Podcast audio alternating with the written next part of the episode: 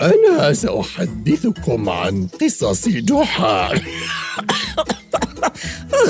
لا لا تسرحت يا شلهوب. أحتاج لأن أجمع أفكاري. أنا شلهوب.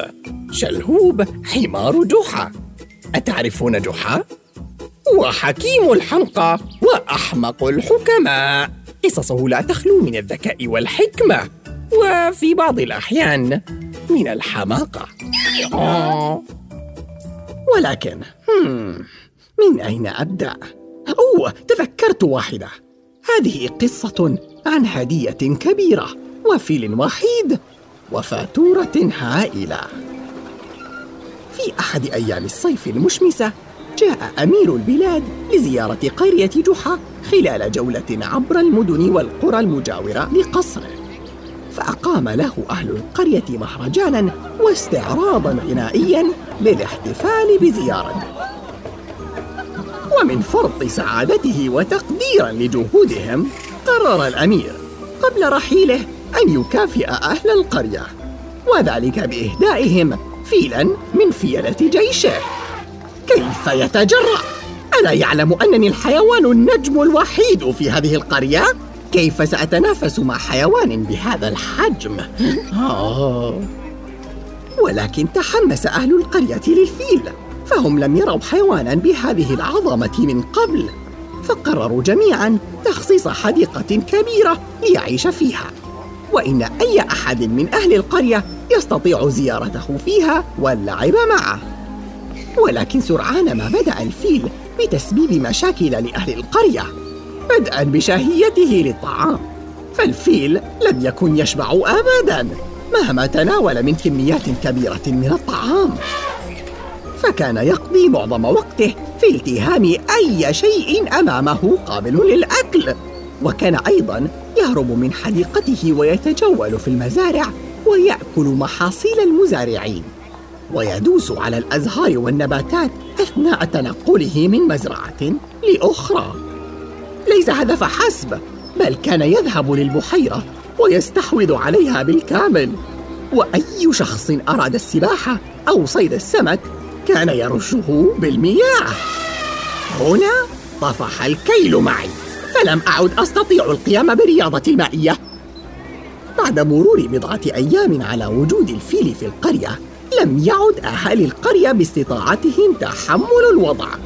فقرروا عقد اجتماع طارئ لمناقشة موضوع الفيل وإيجاد حل للمشكلة. وكان ذلك الاجتماع في منزل مختار القرية. وصلت لجحا دعوة لحضور الاجتماع للاستعانة بحكمته ومعرفته للأمير. طبعا أنا لم أحتج إلى دعوة فأنا دائما عضو مهم في جميع اجتماعات كبار أهل القرية ووجودي أمر مسلم به. خاصة عندما يتعلق الأمر بشؤون حيوانات القرية فأنا أعتبر نفسي زعيمهم. طلب مختار القرية السكوت ورحب بالجميع وبدأ الحاضرون بالصياح والشكوى وكل واحد منهم كان له رأيه الخاص في كيفية حل المشكلة.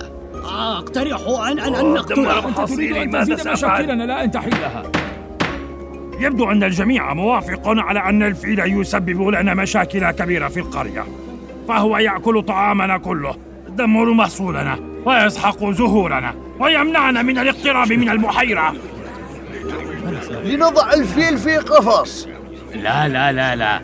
لا نريد أن نؤذي الفيل بوضعه في قفص. إذا لنأخذه إلى مكان بعيد وهو نائم ونتركه هناك. هذا لن يفلح. كيف لن ننقل حيوانا عملاقا كهذا؟ ما بك يا جحا ساكتا أنت لم تقترح شيئا. إنني أسمع ما لديكم من مشاكل مع الفيل. ولكن يا إخوتي الأعزاء أحثكم على التأني والتفكير. فقبل أن تحاولوا حل أي مشكلة يجب أن تفهموا سببها في البداية. وكل ما في الأمر هو أن الفيل يشعر بالوحدة. ولهذا السبب هو يتجول بين المزارع والحدائق. فهو يتصرف كما هو متوقع من الفيل أن يتصرف. ولكن يا جحا عندما يتجول أينما يريد بقدميه الكبيرتين فهو يتلف الزرع والمحاصيل الصغيرة. معهم حق يا جحا؟ حاولت التسلل لمزرعة المختار ليأكل بعض الجزر ولكنني وجدته مهروسا من دوس الفيل له. قلت لكم أن الفيل فكرة سيئة وأني أفضل حيوان في القرية ولكنكم لم تكتفوا بي. تستحقون ما يحصل لكم؟ كما قلت لكم أظن أنه وحيد ويشعر بالملل ولذلك يحاول أن يلهي نفسه. ولكن ماذا تقترح يا جحا؟ أنجلب له فيلا آخر مثلا؟ قالها المختار باستخفاف؟ وضحك جميع الحاضرين ولكن جحا أكمل بكل جدية. الحيوانات تحتاج إلى الرفقة كما نحن نحتاج إليها وبخصوص أمر الأكل. بإمكاننا تخصيص حصة له من محاصيلنا. هكذا لن يقترب من ثمار الزرع والمحاصيل. ولكن لم يسمع أحد نهاية جملة جحا لأنه لما نطق بكلمة رفقة سادت الفوضى في الاجتماع والكل يصيح بجحا. هدوء هدوء هدوء أنا أقول أن نختصر الموضوع وكل واحد منا يبني جدارا حول مزرعته لإبعاد الفيل. سيكون ذلك مكلفا جدا. بالإضافة إلى أنه إذا بنى كل واحد منا جدارا حول مزرعته لن نستطيع زيارة بعضنا كما نفعل الآن. وشيئا فشيئا نفقد وحدتنا كمجتمع متماسك. أسكتهم المختار بمطرقته مجددا ثم وقف بابتسامة أضاءت وجهه وقال أليس الأمير هو من أهدانا الفيل؟ لما لا نطلب منه فقط أن يسترد هديته؟ أعجب الحاضرين بهذه الفكرة ووافقوا عليها. بينما جحا لم يتفوه بكلمة فهو كان يعلم أن أهل القرية أقاموا المهرجان وقبلوا الهدية من الأمير فقط لخوفهم منه. وكان يعلم أيضا أنهم دعوه لحضور الاجتماع لأنه يعرف الأمير ويريدون استغلال هذه العلاقة لكن كيف سنقدم هذا الطلب من الأمير يا ترى؟ من سيبلغ الأمير بهذا؟ عم السكوت في بيت المختار والتفت الكل لينظر إلى جحا وعندما لم يقل جحا شيئا قال له المختار جحا هل بإمكانك أن تساعدنا بهذا الأمر؟ فأنت والأمير صديقان أليس كذلك؟ نعم يا جحا. أفضل حل هو أن نطلب من الأمير استعادة الفيل مرة أخرى. أطلب منه أن يسترجع الفيل رجاء يا جحا. يا لهم من حمقى. فهم لا يعلمون أن الأمير ليس صديق جحا بل صديقي أنا. فهو يطعمني أنا التفاح كلما نلتقي به. لم أره يطعم جحا شيئا في حياتي. آه يا وجهاء القرية مع أنكم لم تسمعوني حتى. إن كان الجميع متفقا على هذا الحل سوف أساعدكم به. ولكن لدي شرط واحد. عندما أذهب لمقابلة الأمير أريد عشرة رجال منكم لمرافقته حتى يرى الأمير أن القرية كلها متفقة على هذا الأمر. قبل الرجال شرط جحا على الفور ومن غير نقاش. فشعروا بأنه طالما جحا معهم هم بأمان من غضب الأمير. واتفقوا على الذهاب إلى قصر الأمير صباح اليوم القادم. شكرا جحا شكرا يا جحا. شكرا. في اليوم التالي اجتمع الرجال العشرة عند منزل جحا وانطلقنا جميعا إلى قصر الأمير في المدينة المجاورة. ولأنهم أرادوا أعز صديق للأمير في المقدمة كانت جحا بمقدمة الوفد. وأنا حرصت أن أبقى أمامه بمسافة قصيرة فشققنا طريقنا ببطء. وبعد ساعة كنا أنا وجحا قد سبقنا الوفد ببضع عشرات الأمتار.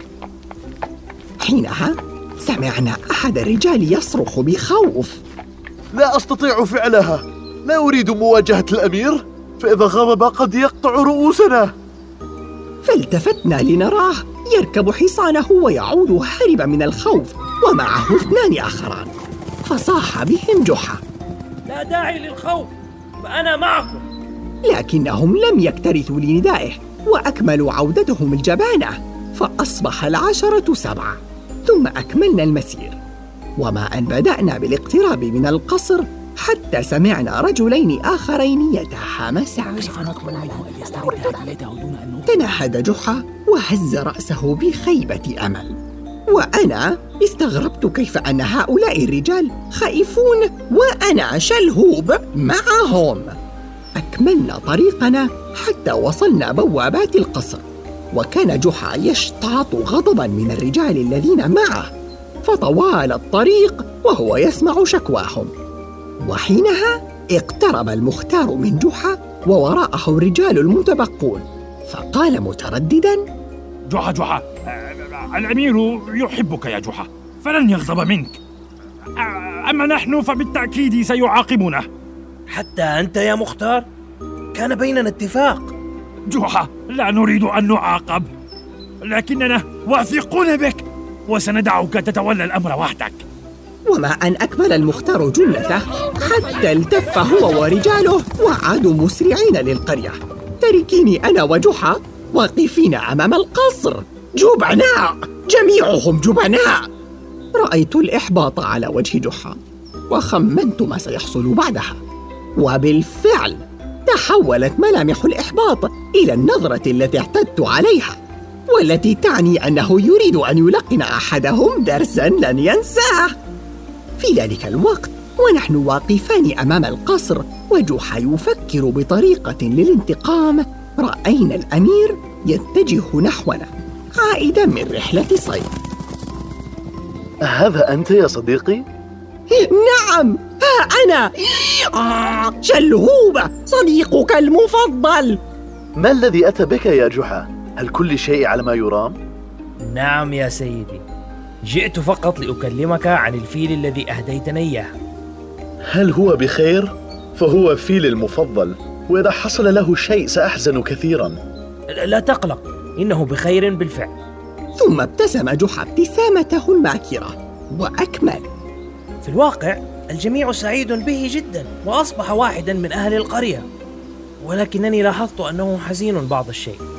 أظن أنه يشعر بالوحدة أحيانا ويبدو أنه اشتاق لرفاقه الفيل الآخرين. فأردت أن أعلم إذا كان بالإمكان أن تدع أحدا من أصدقائه الفيلة للعيش معه عندنا. فأنا متأكد أن ذلك سيسعده هو وأهل القرية. أرأيتم الآن لماذا يجب على المرء ألا يغضب جحا؟ ممتاز يا جحا. فكرة رائعة. لا تقلق سأرسل لكم فيلا آخر في الحال. فابتسم جحا وشكر الأمير لإفراحه. فرح جحا لأنه بهذه الطريقة سيلقن أهل القرية درسا لتخليهم عنه. ولكن فرح أكثر لأن الفيل سيكون له رفقة. فإنه بالفعل أمن أن الفيل اصطنع كل هذه المشاكل لأنه يشعر بالوحدة.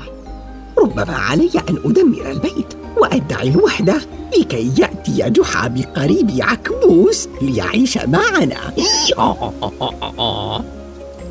فغادرنا القصر وعدنا إلى القرية ووجدنا الجميع بانتظارنا عند منزلنا. والتف الجميع لجحا فور وصوله وسأله المختار ها هل نجحت بمهمتك يا جحا؟ ماذا حدث يا جحا؟ هل سيسترجع الأمير الفيل؟ عندي خبر سعيد لكم سيرسل لكم الأمير فيلا آخر في أسرع وقت ممكن ماذا؟ ماذا فعلت يا جحا؟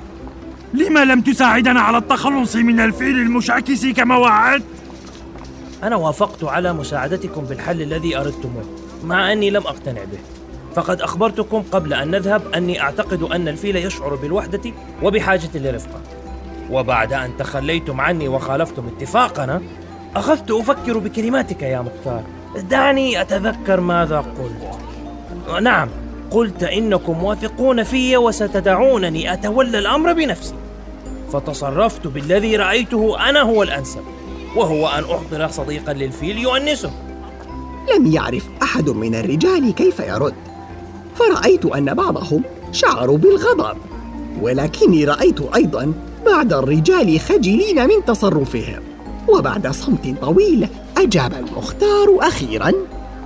أنت محق يا جحا لقد أسأنا التصرف معك. كيف لنا أن نعوض عن ذلك؟